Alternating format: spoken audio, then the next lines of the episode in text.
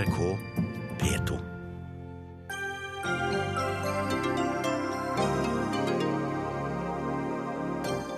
Norge bør kutte skattene, mener OECD. Siv Jensen gleder seg over rådene. Vi skal ikke lytte til dem i ett og alt, svarer Jonas Gahr Støre. Norske langrennsløpere mistenkes for doping i ny dokumentar. Skiforbundet får krass kritikk for ikke å ha avvist mistankene. Telenor kutter 450 årsverk. Korttenkt strategi som gir massiv hjerneflukt, kritiserer presidenten i Tekna. Ingen fare, IKT-bransjen er full av muligheter, innvender arbeidsgiverne. Og Ukraina-konflikten kan gi kornkrise i verden.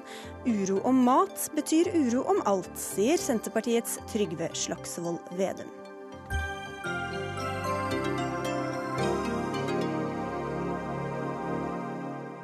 Dette er Dagsnytt 18 i NRK P2 og NRK2, hvor vi også får med oss Børge Brende og Erna Solberg, som kommer rett fra møter om Ukrainas framtid. Mitt navn er Sigrid Solund. Norge bør kutte i skattene for å stimulere til nyskaping. Det rådet kommer fra OECD, Organisasjonen for samarbeid og utvikling i Europa, som har publisert en ny rapport om landet vårt. Å kutte skatt på arbeid reduserer kostnadene ved å skape nye jobber, står det i rapporten. Og finansminister Siv Jensen, velkommen til sist. Takk for det.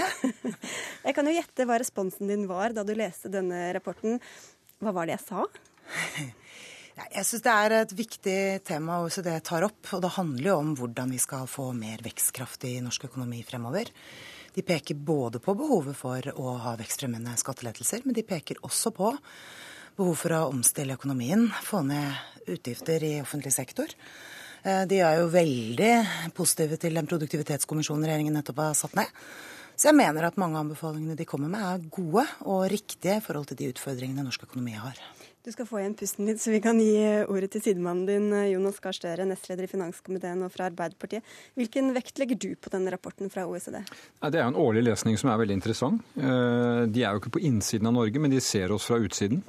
Og det de jo sier innledningsvis, og det kan jo både Siv Jensen og jeg glede oss over, tror jeg, det er at Norge er et bra land å bo i. De sier at den nye regjeringen har tatt over ansvaret for en voksende, velstyrt økonomi der folk er lykkelige. Det tror jeg ikke generalsekretæren i OECD kan si når han reiser rundt om i Norge. Så er det en god I del andre land, tenker du på? Nei, unnskyld, ja. ja. Norge er ett land, men han reiser rundt om i, i sitt område, som strekker seg fra Mexico til Europa. Så er det en god del forslag her som er interessante og som jeg er for. Det er jo vektlagt kunnskap, nye næringer, satsinger. Det med lavere skatt det er vel noe OECD foreslår i alle land alltid, alle år.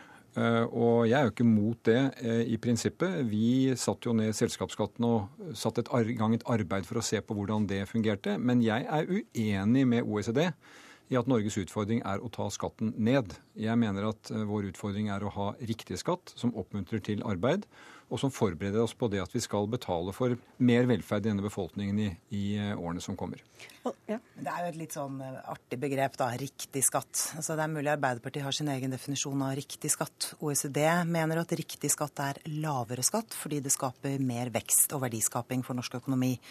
Så jeg er jo helt enig. Det er bra at OECD deler det oversiktsbildet som ligger for norsk økonomi. At vi har fortsatt vekstutsikter, lav ledighet og høy sysselsetting. Men de peker på den mørke skyen som også regjeringen adresserte tidlig. Nemlig at vi har hatt fallende produktivitetsvekst. Og vi fikk jo ros for at regjeringen har tatt tak i de utfordringene vi står overfor. Jeg tror ikke at vi klarer å løse de over natten. Jeg mener snarere tvert imot at det kommer til å ta litt tid. Det handler om å dreie pengebruken.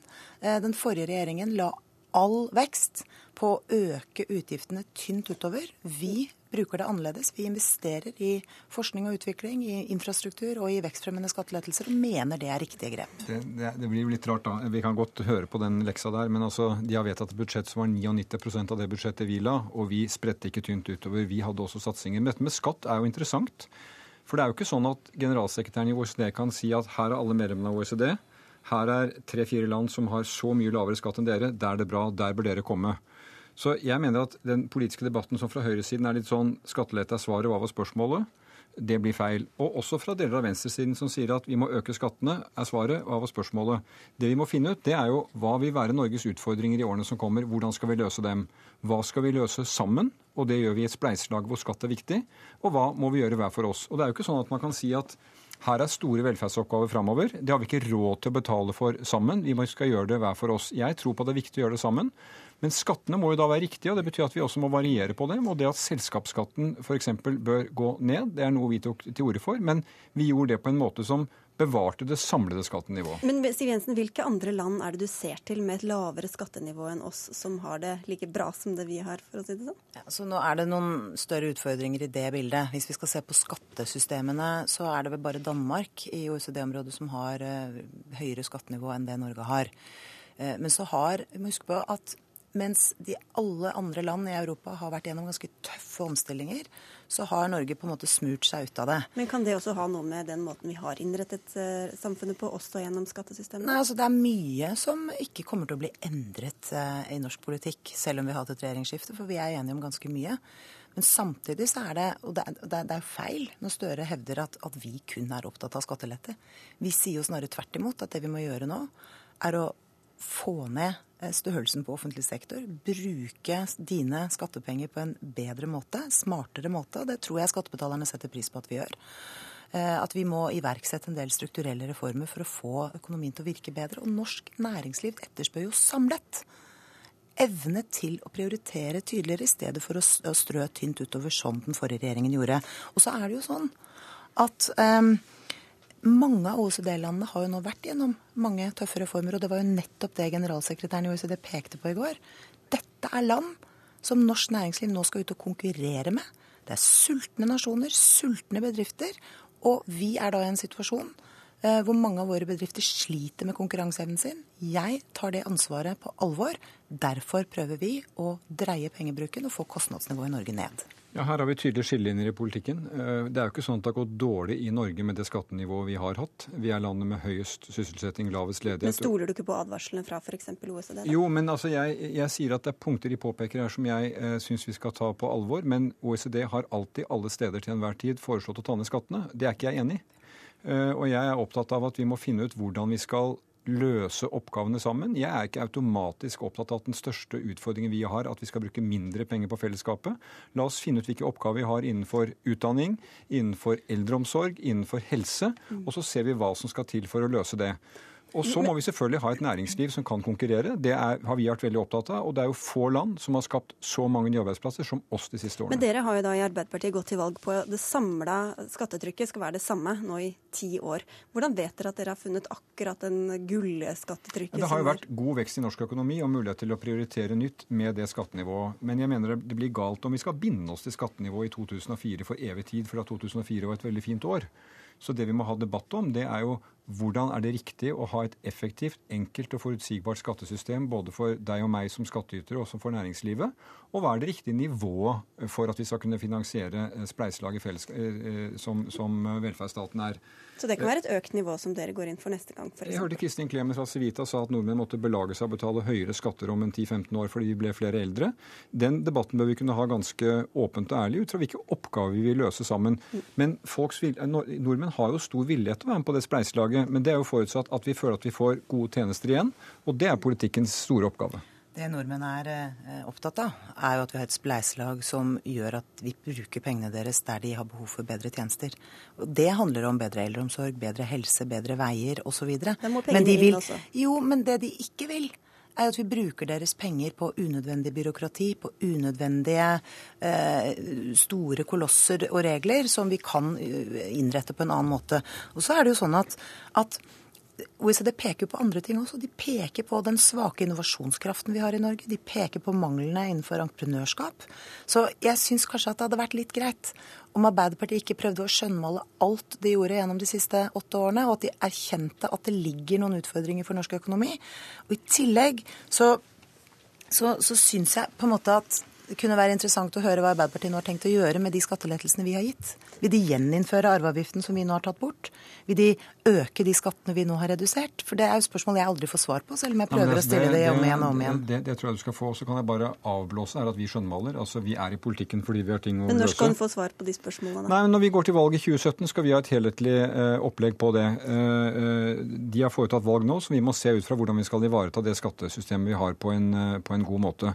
Men, men jeg føler at Siv Jensens fremstilling her som at eh, vi har hugget det skattesystemet i stein. Det er jo feil. Det har vært et skattesystem som har vært utviklet for at det blir mer rettferdig. At vi, mange nordmenn betaler lavere skatt fordi vi har fått en mer rettferdig skatt. Og nå må vi avslutte, men Siv Jensen, er det greit hvis eh, et lavere skattenivå også gir økte forskjeller i Norge? Det er ikke først og fremst gjennom skattesystemet vi jevner ut forskjeller. Det gjør vi gjennom hva slags ordninger vi har for å gjøre livet lettere for de som har det vanskelig. Det er ikke sånn at vi gjennom å skattlegge alle veldig høyt sikrer god og jevn fordeling. Det gjør vi bl.a. med å sørge for at flere kommer i jobb, at flere slipper å stå utenfor arbeidsmarkedet. Derfor jobber vi også nå for at 600 000 mennesker på utsiden av arbeidsmarkedet skal ha en lettere adgang inn. Jo, Men altså, det er ikke slik at når 40% av de lettelsene de har gitt, går til 2% av nordmenn, at det ikke er ubetydelig. Land som har lagt... mennesker som investerer ja, i land, arbeidsplasser. Hvis jeg får lov til å sluttføre. Land som har lagt seg på den kursen, de får økte forskjeller, og det påpeker også OECD. Økende forskjeller er dårlig for økonomien, dårlig for produktiviteten og dårlig for velferden. Du kan rett og slett ikke belegge påstanden med at det å fjerne formuesskatten gir større forskjeller. Det det gir, er evne til å investere i mer verdiskaping i Norge. Svært usosial eh, fordeling. Åh, takk skal dere ha, Siv Jensen og Jonas Gahr Støre. Dagsnytt 18 alle hverdager kl 18.00 på NRK P2 og NRK2.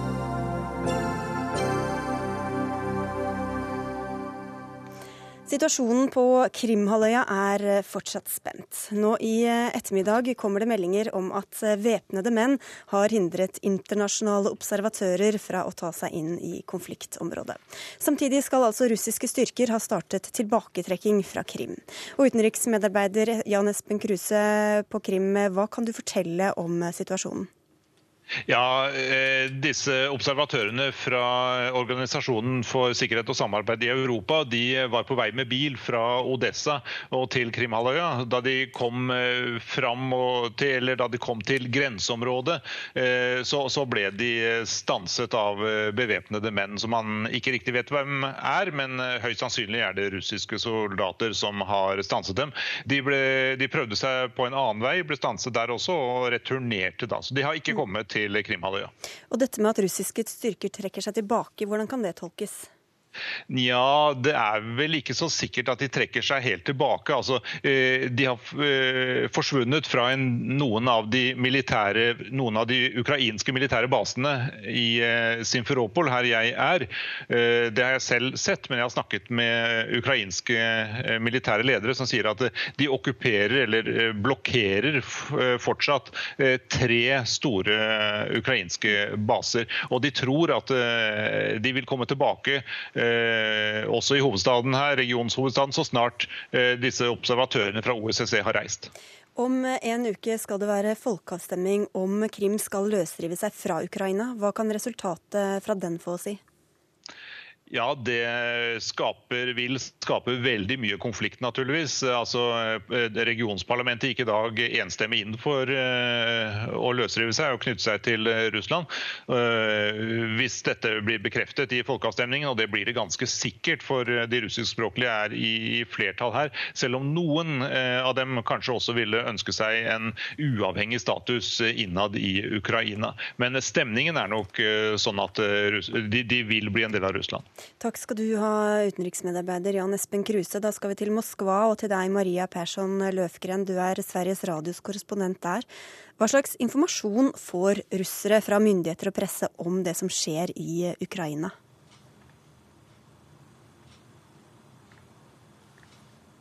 Det høres ut som vi ikke har henne med oss. Vi kan se om vi kommer tilbake til henne. Men eh, vi skal gå til deg, utenriksminister eh, Børge Brende. For du har hatt et møte med Ukrainas fungerende president i dag. Hva sa han?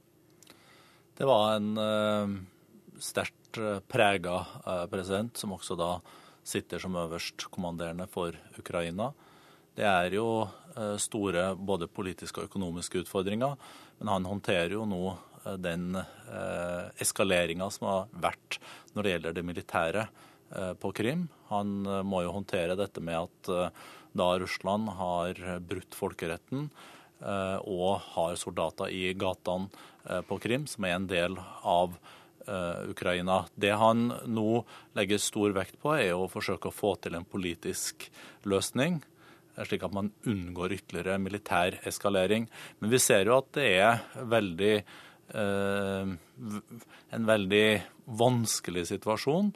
Og det som ble nevnt nå, at Organisasjonen for sikkerhet og samarbeid i Europa ikke fikk inn sine observatører, der var det jo to norske observatører også, det er jo et brudd på Wien-dokumentet, hvor et land har rett til å sende inn på sitt eget område selvsagt den type eh, observatører. Så du satt og sjekket telefonen. Jeg vet ikke om det var tekstmeldinger hjemmefra eller om det var siste nytt. For nå kom det akkurat melding om at EU stanser samtalene med Russland om et visumsamarbeid, og vil vurdere sanksjoner som visumforbud og sperring av kontoer. Hvordan vurderer du en sånn sak? Det har jo vært et uh, toppmøte i EU i dag. Og jeg fikk akkurat en orientering uh, fra vår EU-delegasjon også på det som har blitt konklusjonene fra det møtet. Det er ulike Eh, da beslutninger. Noe av samarbeidet eh, vil man nå eh, da sette på vent i den situasjonen som har oppstått, hvor da Russland har brutt Ukrainas da suverenitet. Det er bl.a. dette samarbeidet om å utvide da visumsamarbeidet, gjøre det enklere å få visum. Det legger man på vent. Man Eh, fortsetter ikke de samtalene. Det samme med noen andre bilaterale samtaler som man har, bl.a. Eh, innenfor liberalisering av handel. Og så er det dette at man også da suspenderer forberedelsene til dette G8-toppmøtet i Sotsji. Men så har EU-møtet også sagt at hvis ikke Russland bidrar konstruktivt i dagene fremover i en sånn multilateral sammenheng, enten da i denne OSSE, denne Organisasjonen for sikkerhet og samarbeid, eller i en FN-regi, om å finne løsninger som bidrar til å nedeskalere, eskalere ned de, den militære eh, konfrontasjonen, så vil man også vurdere innføring av sanksjoner knytta til innreiseforbud for enkeltpersoner til EU, og det å fryse også eh, finansielle posisjoner eh, i EU. Mm. Vi skal forsøke oss igjen med Maria Persson Løfgren fra Sveriges eh, Radio i Moskva. Er du med oss nå? Ja. Jeg spurte hva slags informasjon får russerne fra myndighetene sine og fra pressen om hva som skjer i Ukraina? Ja, det är ju framförallt en bild som skiljer sig mycket från det man får veta när man är i Ukraina. Det är en bild av ett kaos. Det är neonazister, fascister som eh, finns i Kiev och man talar om illegitim eh, president och illegitim regering. Och det här är, präglar framförallt de statskontrollerade medierna, men det är de som dominerar. Här. Är det ett bild som russerne ryssarna är eniga i? Jag skulle säga att många ryssar eh, tittar kanske inte på det, de som inte tror på den här typen av informasjon. information. Men eh, det har påverkat även de som normalt kanske skulle vara kritiska till att vara väldigt skeptiska mot Ukraina och det som har hänt och, och också hålla med om att det handlar om en statskupp, inte någonting annat. Hvor interessert er egentlig russerne i å få kontroll på Krimhalvøya? Det finns en väldigt stark känsla för Krim och för de rysktalande där. Det har ju historiska rötter att man vill ha Krim tillbaka. Sen är det förstås de som är kritiska tycker att det här är en stor risk som Ryssland tar att eh, man kanske skapar ett kalla krigsläge och att Ryssland blir isolerat. Så det finns kritik men den släpps inte fram. De som har försökt demonstrera här i Moskva mot kriget de har gripits. Mm. Tusen takk skal du ha, Maria Persson Løfgren. Eh, til slutt her, Børge Brende. Denne, denne folkeavstemningen som det var snakk om, hva frykter du at den kan gjøre med det diplomatiske arbeidet videre? Men nå har jo både USA og EU sendt et sterkt signal om at Russland må bidra politisk til å finne en løsning, og de må dukke opp i de sammenhengene hvor dette diskuteres. Den folkeavstemninga som nå de eh, er initiert på Krim, i en situasjon hvor det er soldater i gatene, man har beleira Ukrainas baser og forlegninger, slik at soldater og deres familier ikke slipper inn eller ut, og det kommer ikke inn vann og mat.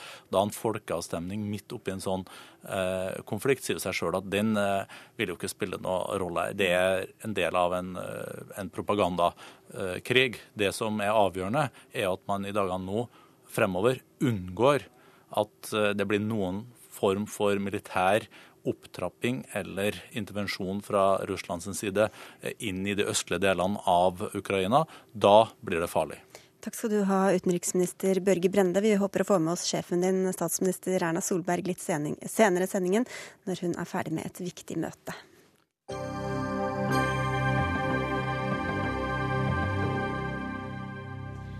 I en svensk dokumentar går det fram at to norske langrennsløpere har stått på en liste over dopingmistenkte. Rundt 5000 blodprøver tatt av Det internasjonale skiforbundet under en lang rekke renn i perioden 2001 til 2006 satte bl.a. norske Anders Aukland i søkelyset. Han er intervjuet i dokumentaren og tilbakeviser påstanden om at de høye blodverdiene hans skyldes doping.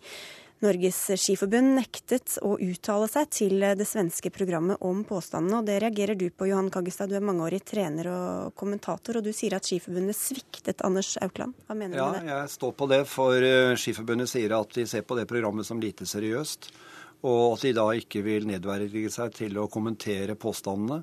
Og det syns jeg er veldig dumt, for hvis det er lett å imøtegå de, de, påstandene, så burde de stilt opp med fagfolkene sine, fysiologer, leger, og forklart hvorfor de prøvene er som de er, og på den måten slått ring om Anders Aukland, som var på landslaget den gangen de prøvene nådde de resultatene. Mm. Vi kan spørre Skiforbundet, for Espen Graff, du er kommunikasjonssjef der og er med oss fra Stockholm. Hva sier du til denne kritikken? Nei, jeg hører jo hva Johan Kaggestad sier. og Aller først er det viktig for oss som vi har brukt et par døgn på nå, å understreke at vi reagerer like kraftig på disse anklagene mot uh, Aukland som alle andre. Og vi syns det er en forferdelig trist situasjon som han har kommet til, og som mange norske løpere dessverre har vært utsatt for også tidligere, ikke minst i dokumentaren i fjor. Og Det er en viktig presisering som jeg tror kanskje Erik Kaggestad da har fått med seg. Vi har ikke lagt lokk på denne saken. Vi vil ikke flykte fra virkeligheten på noen som helst måte. Det dette dreier seg om, er at vi kommuniserte i flere mail med SVT at vi ikke ville stille til intervju. Men vi har svart SVT. Vi har i f.eks. en stor kronikk i Aftenposten uken før OL forklart hvorfor vi ikke vil stille. Vi har snakket, skrevet i den kronikken om innholdet. Vi har gjort mange intervjuer, f.eks. i Dagbladet, om anklagene uh, knyttet til denne dokumentaren. Så gi et bilde av at vi ikke vil eh, være med i en dialog og diskusjon rundt disse anklagene, er jo helt feil. Vi skal snart slippe til SVT, men vi kan jo høre også med, med deg, Jørgen Aukland. Du er broren til Anders, også en kjent skiløper selv. Hva synes du om eh, når du hører forklaringen fra Skiforbundet? Nei, Jeg synes den er ganske tynn. De som så programmet og de som har fulgt med med de siste par dagene, har sett at Anders har stått helt alene. Eh, han har vært en del av det norske landslaget i 17 år, han har fulgt deres høydeopplegg. Og Skifunnet sitter på så mye informasjon om alle verdier til Anders at de kunne lett imøtegått det her. Og Anders hadde sluppet å stå der alene. Mm. Så jeg savner ja. Kan jeg få komme med bare en kommentar der, Jørgen? Ja. Fordi vi, vi, Jeg blir nesten litt lei meg når jeg hører den argumentasjonen. fordi at vi, Det som vi har opplevd rundt dette, er at vi hele veien har tilbudt hjelp. Vi sitter på mailer, vi har sendt direkte til eh, manager Otterstad. Vi har invitert Anders minst på tre møter, som han har forklart at han ikke har hatt anledning til å komme på. Eh, og det betyr at vi har god dokumentasjon på at vi har prøvd ved flere anledninger å komme i dialog og sette oss ned og gå gjennom alt dette. Jeg, jeg, jeg, slik, jeg hører hva du sier, men poenget er den taktikken dere har valgt, det er å ikke si noe. Og Hvis Anders skulle fulgt ja. deres oppskrift, og han fikk den mikrofonen ja. opp i ansiktet og sagt jeg har aldri betalt i doping, så, jeg har aldri gjort noe, da, da, ville han, da, vil han, sagt akkurat det samme ja. som alle de som blir tatt for doping, sier. Å stå der uten å uttale seg, det hadde han kommet ekstremt dårlig ut av. Mm. Jørgen. Og så kan jeg også kommentere det som jo er et eh, godt og sentralt punkt i den debatten. Det er altså slik at Hvis du spør Bjørn Dæhlie, Vegard Ulvang, mange av de som valgte å stille opp i fjor, som også Skiforbundet gjorde, så kom det ikke noe godt ut av det. Nettopp fordi at etikk og sannhet har ikke den redaksjonen brydd seg om. Okay. Derfor har vi prøvd å hjelpe på andre måter. Eh, det gjør oss derfor veldig trist da vi for første gang hørte for to dager siden da VG ringte til meg på kvelden og sa at dere, altså Anders og Otterstad, manageren, var sterkt kritisk til vår strategi. Vi hadde aldri hørt om det tidligere.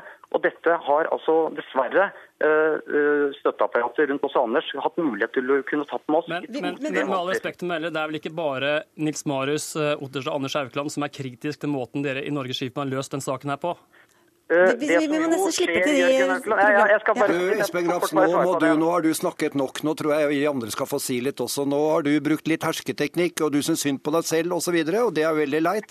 Men nå får du roe deg ned. Eh, det jeg har påpekt, det er at dette hadde vært veldig lett å imøtegå faglig. Og jeg hadde forventet at Skiforbundet var såpass voksne at de stilte opp, ikke nødvendigvis og prøvde å komme inn i det programmet, men rett og slett inviterte media uh, til å gi en forklaring som holdt vann på hvorfor disse blodprøvene til Frode Estil, Tore Ruud Hofstad, Anders Haukeland er som de er. I fjor bommet dere ved å legge frem blodprøver som ikke omfattet konkurransesesongen. Dere burde altså lagt frem blodprøver for et helt år, og det hadde støttet disse gutta, og det har dere ikke klart å gjøre. Og den jevne langrennstilskuer i Norge, når dere velger å stikke hodet i sanden, så lurer den jevne langrennstilskuer i Norge på er det noe i disse påstandene fra svenskene.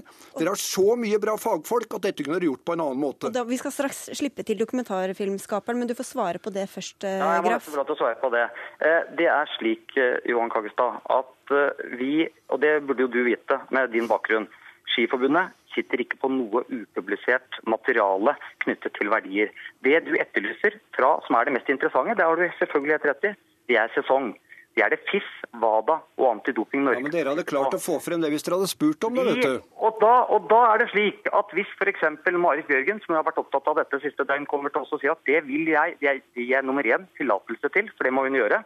Det er jo lovverket. Anders Haukeland hadde gitt tillatelse, det, så det der argumentet ja, holder men, ikke. Jeg snakker men, om Anders Johan, Haukeland. Jo, jo, jo, men jeg er helt enig med deg, faktisk. Men det, hvorfor kunne ikke Anders Haukeland bedt oss om å gjøre det? Det som jo er litt vanskelig, er at vi visste ikke at, man var, at Aukland og Otterstad var kritiske til vår strategi rundt dette før VG ringte. Og hadde de sagt fra til oss, så kunne vi ha satt oss ned og prøvd å finne en løsning. Vi er nødt til å få inn Hasse Svens, som har laget denne dokumentaren som ble vist på svensk eh, TV i går kveld. Hva syns du om at Skiforbundet ikke ville la seg intervjue av dere? Ja, den enda forklaringen er at de ikke har noen bra svar på våre spørsmål. Da våger de helt enkelt ikke stille opp på en intervju. Det er det enda forklaringen jeg kan komme på.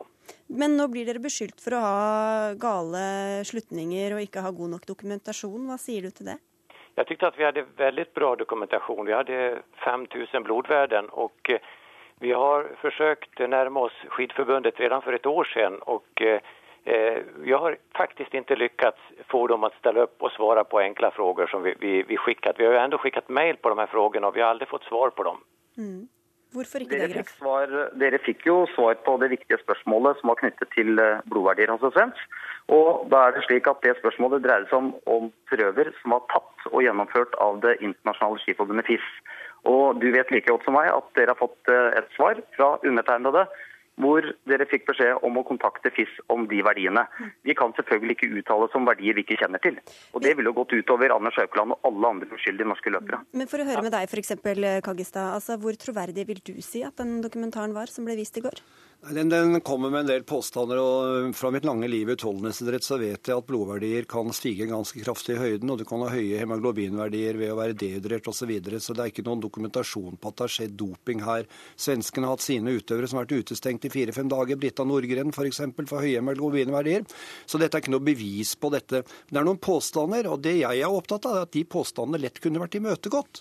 Og så hadde løperne hatt ryggen fri fra mistenkeliggjøring. Mm. Så jeg forholder meg ikke til dokumentaren. Jeg syns påstand ja, Nei, nå er det jeg som snakker, og dere burde kunne gjort dette. Jeg er for åpenhet i idretten, og dere følger bare det som Norges idrettsforbund nå er inne på, med en lukket kommunikasjon, og det er dere ikke tjent med. Hva vil dere gjøre da, Graff, for å imøtegå de beskyldningene? Jeg vil gjerne stille spørsmål til Johan Knut det han nettopp sa.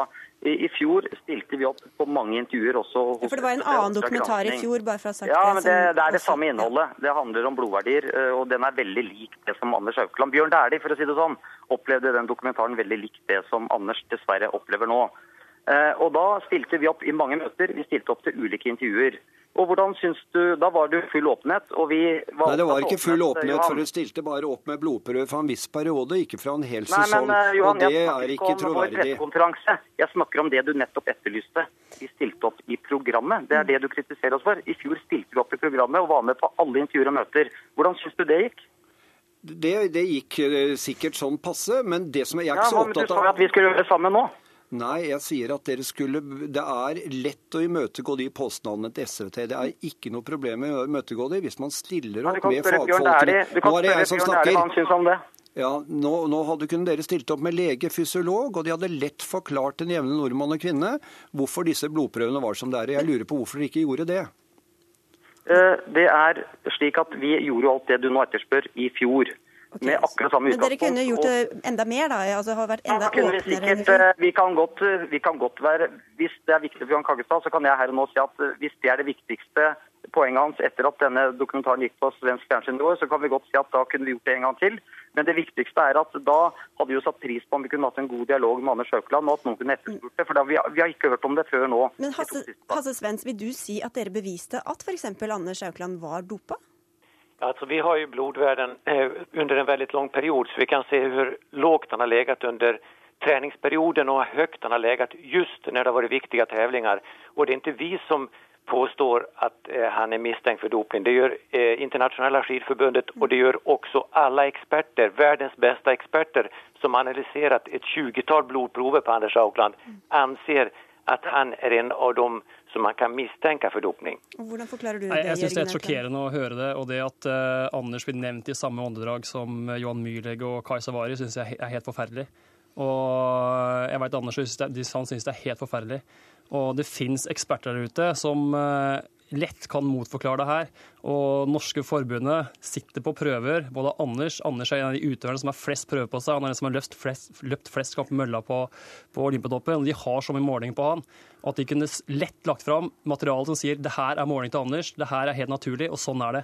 Så det er, det er, det er skremmende at, uh, at ikke Skiforbundet skjønner at når de ikke uttaler seg, og de vet at navnet til Anders Aukland kommer på TV, at når de da nekter å uttale seg, at ikke de skjønner at Anders blir stående alene om å forklare sine egne blodverdier, det er, det er skremmende av Det var, jo, det, var jo, det, det var jo nettopp dette vi da gjorde i, i fjor. Uh, og hjalp både Bjørn Dæhlie og, og Erling Hjemme og flere med Ja, det har du sagt, men da, da, blir du også kritisert men, for at dere bare la frem en del dokumentasjon og ikke hele, altså mer dokumentasjon. Nei, det var på en pressekonferanse senere. Nå snakker vi om innholdet i programmet. Og vi gjorde jo det som både Johan og, og Fredrik nå etterlyser. Det som jeg har lyst til å si, jeg skjønner at vi ikke blir enige om den strategien, og det er helt fair. Det, men, kan, kan, du svare på ett spørsmål? Kan du svare ja, på et spørsmål? Stemmer det at Norges Skiforbund sitter på målinger på Anders som kunne ha eller kan forklare hvorfor han har de målingene og de resultatene han har på blodtester? Jeg har stilt et spørsmål etter at jeg så dere uttalte det i, media, det, i norsk media de to siste dagene.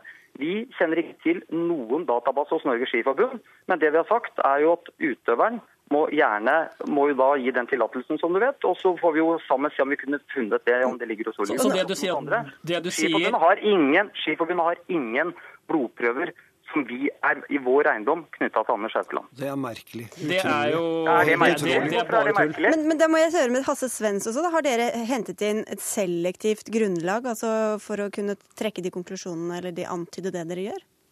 Kan, eh, kan, nu förstod jag inte frågan. Nei, altså, er, det, er det selektiv informasjon dere presenterer som kunne vært korrigert med andre eksperter eller annen, annen informasjon?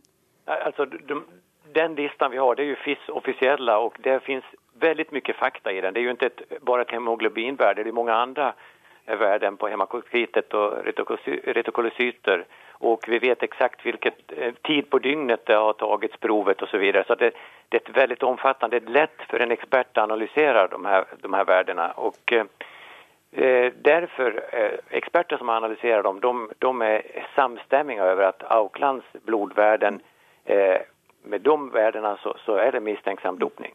Det som jo skjedde, Hasse var jo at denne, da dette ble kjent med denne listen, som er helt riktig eh, Det er helt riktig at Anders Aukeland var på den listen. Resultatet av det var hyppigere tester, også av Anders, i ettertid. Og han ble sjekket helt ut når det gjaldt dopingmistanke etterpå. Derfor så er det jo en kjempefordel at man har slike lister. Det viser at det systemet også den gangen i FIS fungerte. Okay. Det er kjempebra. og Anders Aukeland ble frikjent. Da skal vi slippe det, Jørgen Aukeland. Fredrik, ja. bare kjapt med til Fredrik. Alle vil si veldig mye. Slik, Det er slik at la oss, ok, Vi er uenige om denne strategien, men jeg syns det ville bli helt feil hvis dette skal bli en debatt om hva Skiforbundet gjorde eller ikke. Vi må være enige om at her er det slik at det er altså SVT Oppdrag granskning som har øh, anklaget Anders Økeland for doping. De er ikke ja, og Da, da synes jeg det er utrolig svakt at uh, en løper som har uh, slitt for Norges Skiforbund i 17 år, uh, blir stilt alene i det trøbbelet han ble stilt i, og dere bare holder munn. Det synes jeg er veldig skuffende. Vi er nødt til å takke der. Espen Graff, også fra Norges Skiforbund, beklager at jeg avbryter deg. Tusen takk for at du var med. Takk også til Johan Kaggestad og Jørgen Aukland. Men må spørre deg helt på slutten her, Hasse Svens. Der Disse dokumentarene skaper mye bruduljer her, skjønner du. Kommer det flere? Ja, vi, har, vi sa etter forrige dokumentaren at vi gjør inga flere, men vi gjorde en til. Nå sier jeg samme sak, vi gjør inga flere, men hvem vet, kanskje det kommer en til dokumentar. Takk skal dere ha for at du var med i Dagsnytt 18.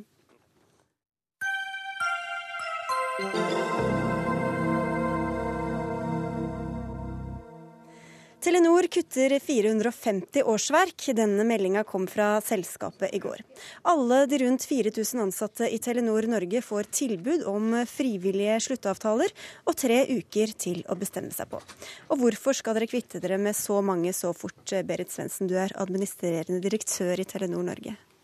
Telenor er i en kontinuerlig omstilling fordi det skjer veldig store teknologiskift. Vi er inne i en moderniseringsprosess av det norske telenettet. Kundene våre velger bort fasttelefonen. Det er 100 000 kunder hvert eneste år som velger bort fasttelefonen. Samtidig ser vi en enorm etterspørsel etter mobilt og fast bredbånd. Så vi ser det helt nødvendig å redusere kostnadene for å opprettholde et veldig høyt investeringsnivå i Norge og øke produktiviteten. Men dere hadde et ganske godt driftsresultat i går på over 21 milliarder kroner? Eh, det er ved hele Telenor. Eh, Telenor Norge er eh, ca. en fjerdedel av omsetningen i Telenor-konsernet. Eh, vi, vi, har veldig gode resultater, men vi bygger såpass mye for framtiden og gjør de store moderniseringene og investerer som aldri, aldri før. Og vi er helt nødt til også i fremtiden å få god avkastning på de investeringene vi gjør. Konserntillitsvalgt Per Gunnar Salmonsen i Telenor, du representerer det største forbundet LHIT, og du reagerte sterkt da denne nyheten kom i går. Hva sier du i dag? Eh, nei, Jeg reagerte på den måten man kommuniserte budskapet på. For eh, partene i bedriften de har diskutert tiltak for kostnadskutt. Deriblant en sånn frivillig eh, premiert hvis man ønsker å slutte, og meddele til bedriften, eller søker bedriften om å få lov til det, så skal de premieres. Gjennom at de får en sluttpakke med seg på veien ut. Og, men 100% frivillighet på det, så er jo det en OK budskap. Det at Telenor Norge AS vil rydde opp i bruken av konsulentbruk, som har vært altfor høy, og som har stått seg gjennom tidligere nedbemanninger. Det er jo sett fra vår side en god nyhet. Men å sette et tall på hvor mange som skal ut når man snakker om frivillige, og samtidig si sånn at ja, og får jeg det ikke, unnskyld uttrykket, da, som jeg vil, så kommer, så kommer det oppsigelse i, i bakhånda. Da har man lagt et helt annet valør på budskapet enn den saken som var drøfta, etter vår mening. Hvordan reagerer kollegene dine da? Usikkerhet. Det er det jeg har fått rapport på. Det har medført usikkerhet ute i, i, i eh, en del av avdelingene i, eh, i Telenor Norge AS. Hvordan, altså Dere er sikkert noen dere ønsker å beholde, som kanskje ikke er akkurat de samme som ønsker å bli. Hvordan skal dere sørge for at folk ikke får sparken, da? Eh, nå syns jeg Per Gunnar Salomonsen han forskutterer litt. Fordi det vi har valgt å gjøre i denne runden, det er å gå ut med en frivillig sluttpakke. Dvs. Si, eh, de ansatte stilles overfor et valg om de ønsker å ta en frivillig sluttpakke. Og Det er faktisk sånn hos oss at det er kontinuerlig omstilling, og det kommer det til å være de neste årene. Vi er slett ikke ferdig med å bygge ut 4G eh, bredbånd på mobil. Vi dekker i dag 50% av befolkningen. Vi skal opp til 95 kraftig utbygging eh, også på, på fast bredbånd, både til bedriftsmarked og privatmarked, krever enorme investeringer i Norge. Eh, og når det er sagt, så er vi helt nødt til også å tenke nytt når det gjelder å redusere kostnader. Nå går vi ut med frivillige sluttpakker. Kontinuerlig omstilling. Det er mange hos oss som sier nå har jeg vært med på nok omstilling. Nå kunne jeg egentlig tenkt meg å gjøre noe annet på utsiden. Og derfor forsøker vi nå denne ordningen. Og det er faktisk ganske god interesse, fordi sluttpakkene vi nå har tilbudt. Hva er det du er bekymra for da? Nei, altså, Det er jeg uenig i. for dette, uh, Våre tillitsvalgte i bedriften sa, altså Eliteforbundet sin tillitsvalgte i bedriften sa klart at dette er et generelt tilbud og 100% frivillighet, så er dette, så er dette OK. Men når man legger den i ettertid, med et tall på hvor mange som skal bort, og at det kan bli snakk om oppsigelse, så har man lagt et, ut et ris bak speilet. Og den psykologiske frivilligheten stiller spørsmålstegn med da. Det var helt unødvendig. Man kunne kjørt den her, og det har ikke vært i nyere tid, så jeg vet om, kjørt en sånn for, så stor skala før på frivillig opplegg. Kjørt den, tatt en oppsummering og begynt de andre drøftingene i ettertid, mm. istedenfor å gå ut med tall og få en diskusjon på tall istedenfor tiltak. Ja, hvis ikke dere går frivillig, så får dere sparken? Nei, det har vi ikke sagt. Eh, det vi sier er at eh, nå forsøker vi denne ordningen. Og den har vi, eh, Telenor har forsøkt denne tidligere i Sverige med, med stor suksess. Eh, det vi unngår nå, er jo selvfølgelig at hele organisasjonen går rundt i usikkerhet, sånn som Per Gunnar Salomonsen beskriver, for det er jeg helt enig i. Det er ingen god beskjed for en organisasjon å få beskjed om at nå skal den nedbemannes. Så nå forsøker vi denne ordningen, og så ser vi hvordan det går. Og så ligger det også i kortene, som Per Gunnar er inne på, at vi skal skifte ut eh, noen hundre konsulenter med egne ansatte. Så det er mulighet for våre ansatte å søke de konsulentjobbene. Så dette er totalen vi skal redusere med i løpet av 2014. Lise Lyngsnes Randeberg, du er president i organisasjonen Tekna, som er den største fagforeningen i Akademikerne og bl.a. organiserer dataingeniører. Og dere har kalt dette en massiv, kortsiktig nedbygging av kompetansearbeidsplasser. Hvorfor disse ordene? Jo, eh, det er egentlig et spørsmål om hva skal vi leve av i framtida. Og jeg har lyst til å begynne med å sitere tre små kinesere. De skrev en sang eh, hvor det er en linje som heter 'Ingen blir igjen hvis alle sammen fær'. Og hva skal vi da leve av i framtida? Og vi advarer selskapene mot å tenke kortsiktig, for kompetansemiljøer de tar lang tid å bygge, og så tar de utrolig kort tid å rasere. Og nedbemanningstrenden den har vi sett lenge. Og over tid så har det vært en systematisk nedbygging av norsk IKT-forskning. Og der har faktisk Telenor gått i bresjen. Mm. Og der har man tatt en strategisk avgjørelse på å kutte forskning, og i stedet tjene penger på å eie nettverk. Det har vært en høstingsstrategi. Den har gitt god avkastning på kort sikt. Men det er jo ikke bærekraftig på lang, lang sikt. Da trenger man teknologiutvikling og nyskapning. Skal du få svare på det? Ja, jeg syns det, eh, det, er eh, en liten misforståelse her. For Telenor Norge har aldri investert så mye i nettet som vi gjorde i 2013. Vi bygger ut mobil og fast bredbånd. Eh, som aldri før. Og vi investerte 4,4 milliarder kroner i, i, det norske telenettet. Men i forskning og kunnskap, da? I forskning og kunnskap så trenger vi, vi trenger jo selvfølgelig mange dyktige mennesker for å gjøre de store investeringene. Ellers så investerer vi jo feil i det norske nettet. Og i tillegg til det så har vi også en, en forskning- og utviklingsavdeling på Fornebu som vi har, eh, har bygd opp igjen, som fungerer veldig, veldig bra. Og jeg kan også nevne at vi nå tar i bruk den siste teknologien i Norge, som en av våre mobilleverandører har kommet opp med. Og i løpet av ett år så har vi helt verdensledende teknologi i nettet som eh, kommer til å tilby god innendørsdekning for bedriftsmarkedet. Vi har akkurat lansert en ny tjeneste, Min Sky, som er en konkurrent til Dropbox. Så vi ligger egentlig helt i front når det gjelder utvikling av innovasjon og utbygging av infrastruktur i Norge. Fikk vi med litt reklame om, men det beroliger kanskje ikke deg? Nei, altså det beroliger ikke meg. Eh, det er en trend som man har sett over tid. at eh, høykompetent arbeidskraft eh, forsvinner ut av de her selskapene. Og vi mener jo at det er fullt mulig å tjene penger og drive lønnsomt innenfor kompetanse i Norge. Vi ser jo også at andre internasjonale selskaper, f.eks. Siemens, har jo bygd opp en stor forsknings- og utviklingsavdeling i Trondheim. Så det er mulig. Mm. Håkon Haugli, du har vært i dette studiet mange ganger før, da i en litt annen rolle. Nå er du blitt direktør i arbeidsgiverorganisasjonen Abelia, som organiserer kunnskaps- og teknologibedrifter. Og hvordan reagerer du på denne meldingen om at 450 årsverk skal bort? Altså, Jeg kommer eh, hit egentlig med dagsferske tall som eh, jeg håper kan være med å berolige eh, ansatte i IKT-næringen. Gjennom NHOs økonomibarometer som ble lagt fram i dag, så viser det at det er stor optimisme i IKT-næringen. Faktisk er det den næringen hvor det er mest investeringsvilje og de beste fremtidsutsiktene og et stort arbeidskraftsbehov. Eh, det Telenor gjør, og som mange virksomheter gjør, det er jo å investere i eh, teknologi som vi trenger både for å utvikle annet næringsliv og fordi vi etterspør andre tjenester. Eh, så vi er opptatt av flere ting, men jeg kan bare gi tallene. Altså Ni av ti IKT-bedrifter vil enten rekruttere eller ha samme arbeidskraftbehov som det de hadde i fjor, i det nærmeste året. Så det, det tar vi med oss. Og så er vi helt overbeviste om at Telenor håndterer denne eh, endringsprosessen på en profesjonell måte. Og de ansattes eh, situasjon ivaretas. Så jeg har lyst til å si en annen viktig ting, og det er at det vi ser nå på mange samfunnsområder, er en parallell til det vi har sett med overgang fra papiraviser til elektroniske aviser. På samfunnsområde etter samfunnsområde så kommer teknologien inn, og vi trenger at aktører som Telenor gjør den type investeringer. Så ingenting å bekymre seg over da, altså, Randeberg? Eh, jo, jeg syns fortsatt det er en viktig debatt å ta. Og det er også en annen ting som er viktig her, og det er jo at staten er majoritetseier i eh, Telenor. Og jeg synes det her med hva man skal satse på altså Det går fint an å si at hovedkontor og forskningsavdeling det skal være i Norge. Det skal vi basere framtida vår på. Eh, det her er en ting som eh, kan sende ut et lite signal til regjeringa om at i en kommende eierskapsmelding så bør de diskutere det dette temaet. Ja, jeg vet ikke om du har noen meninger om det? det er jeg veldig frem til. fordi Med de investeringsnivåene vi har og den utbyggingen vi gjør i norske marked, både på infrastruktur, infrastruktur, og tjenestesiden, så er jeg helt sikker på at også vi og Tekna skal bli ganske enige om at vi, vi, gjør veldig mye som er veldig spennende og flott. Men Salomonsen, blir du betrygget over det Håkon Haugli sier, og at det er bare å gå ut og skaffe seg en ny jobb, så ikke noe problem? Nei, det er jeg ikke betrygga for i det hele tatt. Eh, jeg kjenner de yrkesgruppene som er i Telenor Norge AS. Jeg har i gamle vært hovedtilsvalgt der. Eh, og jeg vet en god del om den geografiske plasseringen av arbeidsplassene. Så at, det betrygger meg ikke.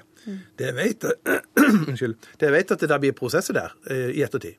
Det som, vi, det som vi forventer, det er jo det at man begynner å diskutere med bakgrunn i de oppgavene som er i bedriften. Og er de oppgavene blir sånn at de blir færre oppgaver med at markedet går ned, eller man jobber smartere, så diskuterer vi en reell overtallighet. Men tenk på et tall og gå ut med et tall.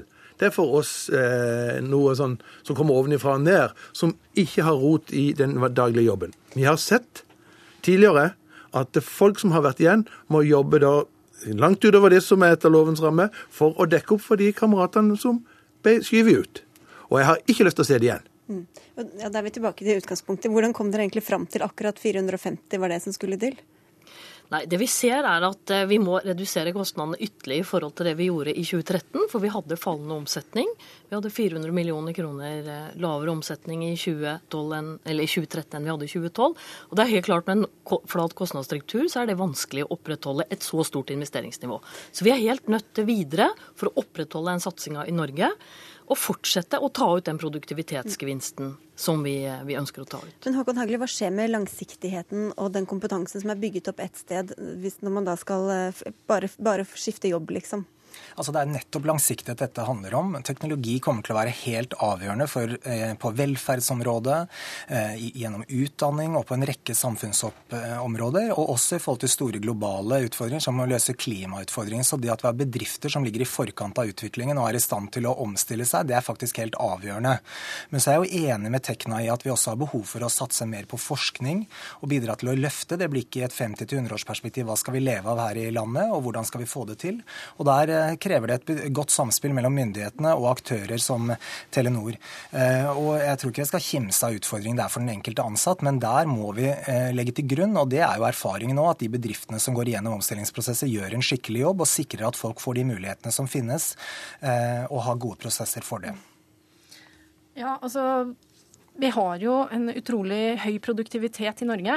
Vi har en høyt kompetent arbeidsstokk. er der må omsette kunnskap til innovasjon, produktivitet og effektivitet.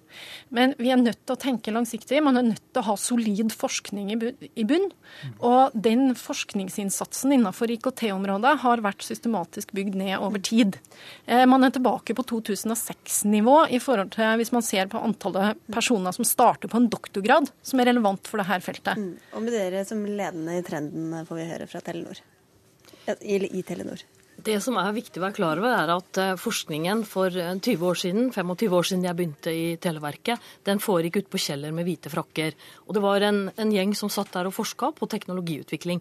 Nå er det sånn at dette er en global bransje hvor teknologiutviklingen skjer i hele verden. Og Det som er viktig for oss nå, er å hente inn kompetanse og teknologi fra alle Telenors operasjoner samt alle våre samarbeidspartnere. Så nå foretar vi forskning og utvikling på en helt annen måte enn vi gjorde før. Så får vi se innen tre uker hvor frivillig denne avgangen blir. Takk skal dere ha for at dere var med i Dagsnytt 18. Berit Svendsen fra Telenor Norge, Per Gunnar Salmonsen fra LHIT-forbundet, Lise Lyngsnes Randeberg fra Tekna og Håkon Haugli fra Abelia. Hør Dagsnytt 18 når du vil. Radio NRK Radio.nrk.no.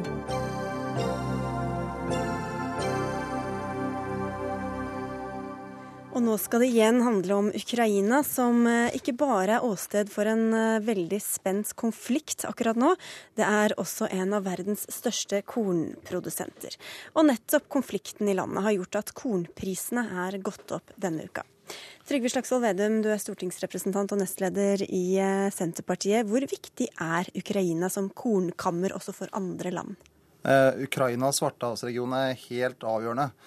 Forrige gang det ble stor uro rundt kornproduksjon i det området, det var i 2011. For da var det uår. Eh, det var tørke, det var branner. Eh, og Putin på den russiske sida innførte eksportrestriksjoner på russisk hvete. Og i måneden etter der så steig hveteprisen i verden med 60-70% sånn veldig fort. Og verdens største importør av hvete, det er Egypt. Og så husker, Hvis vi tenker litt, hva, hva som skjedde i Egypt da? da? Det var jo starten på den arabiske våren. For Nord-Afrika er eh, helt avhengig av kornimport.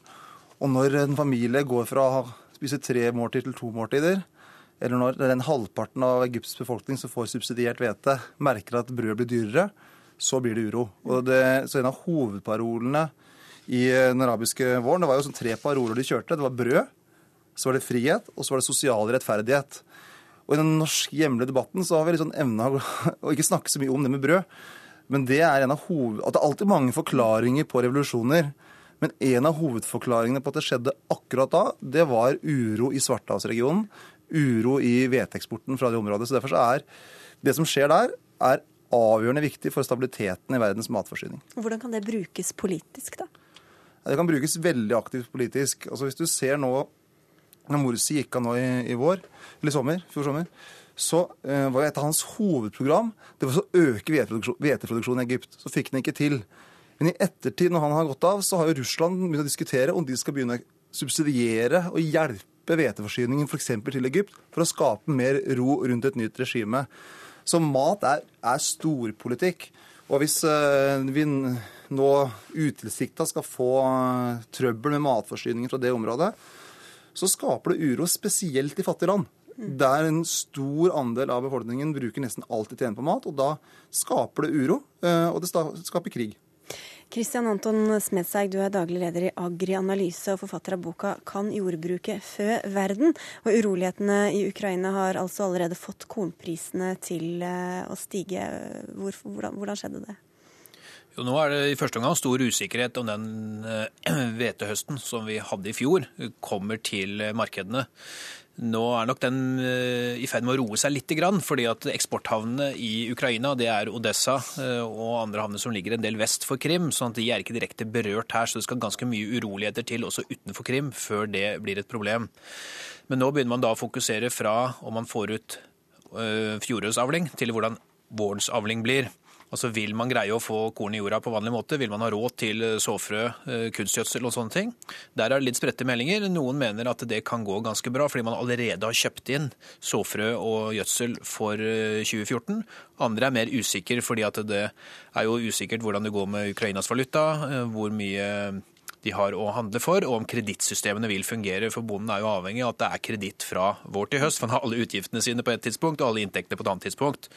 Så usikkerheten er ganske stor, men jeg tror kanskje man eh, er litt mer avventende og ikke fullt så skremt akkurat i dag som for noen dager siden. Men dette er eh, som sagt eh, ingen som helt vet. Det er vel generelt sånn at råvarepriser er sensitive for urolige tider. Olje f.eks., som andre i ditt parti ja. kanskje er mer opptatt av, men du er, du er mer opptatt av kornet? Ja, ja, altså, Vi er veldig opptatt av olje- og gasspriser, og spesielt i Norge, for det betyr så mye for vår økonomi. Altså, vi har en velstandsøkonomi. Men for de store deler av verdens befolkning eh, så er jo matvareprisene mye mer viktig. Eh, for det berører rett og slett hverdagen med en eneste gang.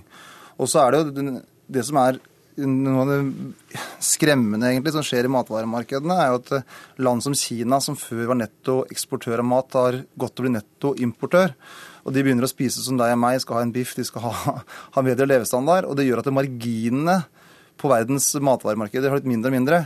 Så hvis det da blir litt grann uro, så kan det få mye større utslag eh, i prishopp. prisopp. Fordi at det er så mye mindre å gå på. Og der er Ukraina et av de få landene som har store store overskudd å kjøre inn i verdens hvetemarked. Og det vi har sett tidligere når det blir den type prishopp, er at det også blir mye spekulasjon i det. Eh, som da driver prisene enda mer opp. Du og jeg vil sannsynligvis ikke merke så mye til det. For at eh, vi bruker så liten andel av pengene våre på mat. Men, eh, men, de fattige vil merke det, og da blir det det vi har sett bl.a. i Egypt. Mm. Og når er det det slutter å bare være handel og det politiske griper inn? Det, det, skjer jo når særlig eksportlandet begynner å se at prisene blir høye. Altså Russland og Ukraina hadde eksportforbud 2010-2011. Vi så mange land hadde riseksportforbud 2007-2008, hvor det var forrige matkrise. Og det som da skjer, når det blir knapt, så blir det ikke lov å eksportere et fritt marked. Da er det Utenriksdepartementet som gir eksportlisenser. Så blir det stat-til-stat-samarbeid. Så når risprisen ble firedoblet fra november 2007 til april 2008 så var det da direkte forhandlinger mellom Thailands regjering, som var eksportøren, og Filippines regjering, som var importøren. Og Da var det ikke lenger det frie markedet som vurderte. Det var ja, det var prisvekst, men da var det da en eh, overordna vurdering av hvem som skulle få denne risen. Og Da begynner det å bli spennende. Og ettersom klimaendringene også griper om seg med mer tørke, mer flom, så blir dette en enda mer prekær, kan bli en mer prekær situasjon også? ja, dessverre så blir det nok det. For vi, vi ser jo at vi har befolkningsvekst i verden. altså vi før 2050 så vil vi sannsynligvis være over 9 milliarder mennesker. Eh, og FN har sagt at vi må øke tilgangen til mat med ca. 60% Så det kreves en voldsom vekst i verdens eh, matproduksjon og tilgangen til mat. Samtidig som at klimaet blir mer ustabilt. Eh, som var noe av årsaken til den priseksplosjonen vi så i 2011. Så sannsynligheten for at det blir mer uro i verdens matvaremarkeder i åra som kommer, er, er, er veldig, veldig stor. Og så har vi en diskusjon også i Norge litt i forhold til beredskap og beredskapslagring, som mange mener er veldig gammeldags og det hører liksom kald krig til.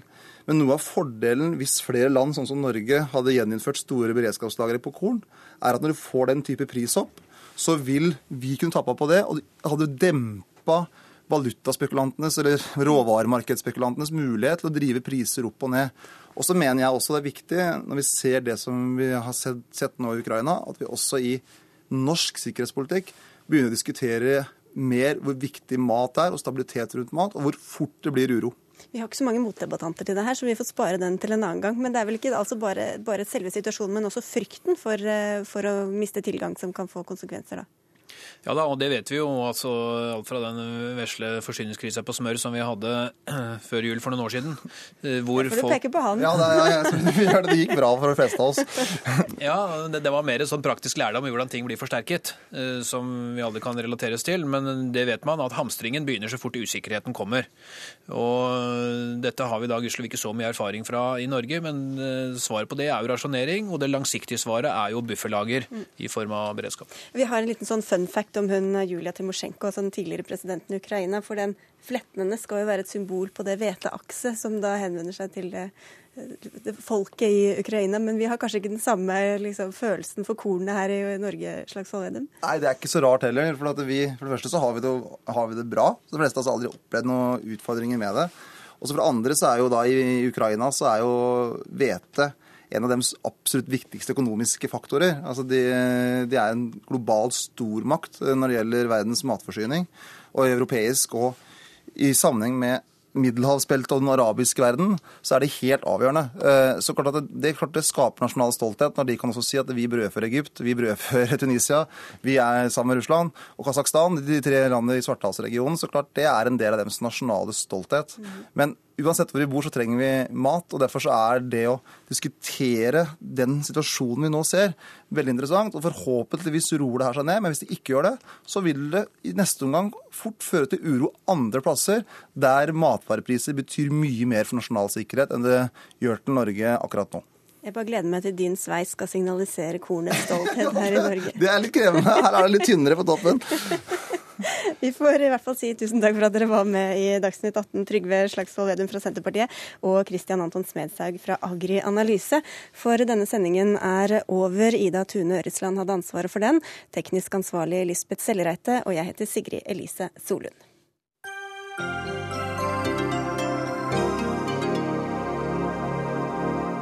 Hør flere podkaster på nrk.no podkast.